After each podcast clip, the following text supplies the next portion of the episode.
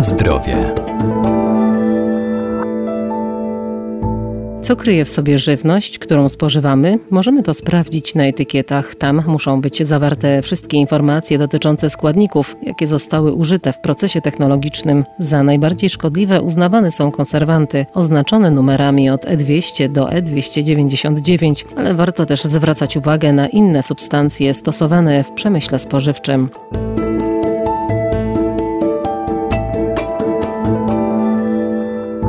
Powszechna dostępność dodatków do żywności sprawiła, że producenci coraz chętniej dodają je do swoich wyrobów. W ten sposób poprawiają ich smak czy wygląd, a także tuszują ubytki powstające w trakcie produkcji. Na przykład przy wyrobie wędlin kryją się pod symbolami E. Po co są dodawane? Jeśli spojrzymy na etykiety, metki produktów sklepowych, możemy być zaskoczeni, że tam ta lista jest tak długa. Dlaczego? Doktor habilitowany Dariusz Stasiak, profesor uczelni Wydziału Nauk o Żywności i Biotechnologii Uniwersytetu Przyrodniczego w Lublinie. No musimy tutaj rozróżnić produkty wytwarzane w warunkach domowych, kiedy wytwarzamy raczej dla siebie i do bezpośredniego spożycia, od produktów, które muszą spełniać określone kryteria przemysłowe, innymi trwałość, bezpieczeństwo. Trzeba od razu na początku powiedzieć, wszystkie dodatki, które pojawiają się w produktach, są dodatkami, które są dopuszczone i jako takie nie stanowią zagrożenia dla zdrowia człowieka. No oczywiście trzeba sobie wyraźnie powiedzieć,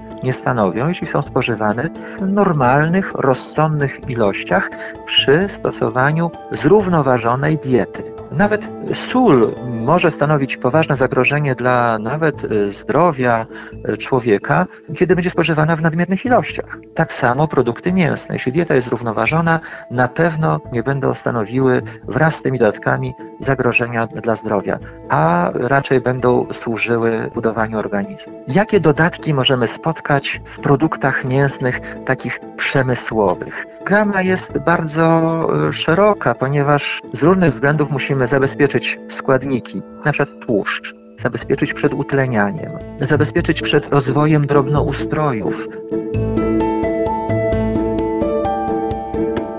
Na zdrowie.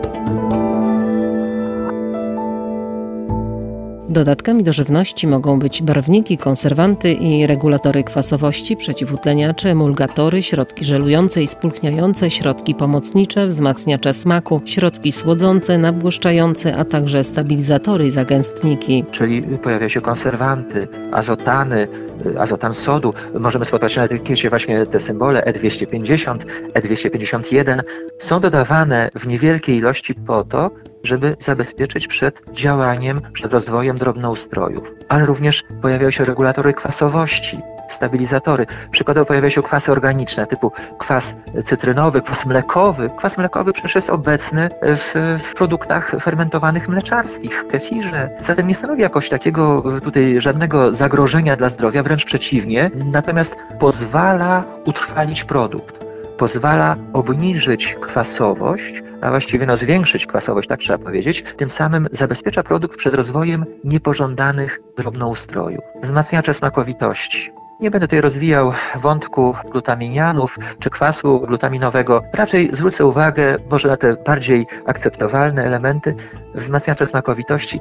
Te wszystkie substancje albo w całości przyprawy, zioła które sprawiają, że produkty stają się tak atrakcyjne sensorycznie. Oprócz tego pojawia się jeszcze cała gama innych składników. Możemy je znaleźć na metkach typu skrobia, preparaty błonnikowe, hydrokoloidy na przykład. Po co? Wiążą wodę. Po co ta woda? No myślę, że tutaj trzeba sobie wyraźnie powiedzieć, pełni różne funkcje. Między innymi zapewnia odpowiednią konsystencję, zapewnia odpowiednią wilgotność, odpowiednie wrażenia podczas przeżuwania. Ta woda jest niezbędna.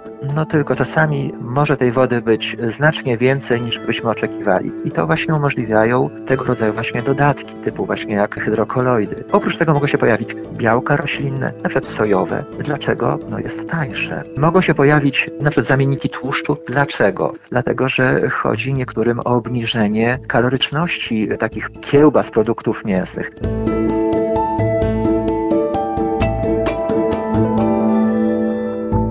Dane o zawartości poszczególnych składników znajdziemy na etykiecie. Gdy kupujemy luzem, informacje muszą być na opakowaniu zbiorczym. Udostępni nam je sprzedawca, a najlepiej trzymać się zasady, że im mniej dodatków jest w danym produkcie, tym lepiej.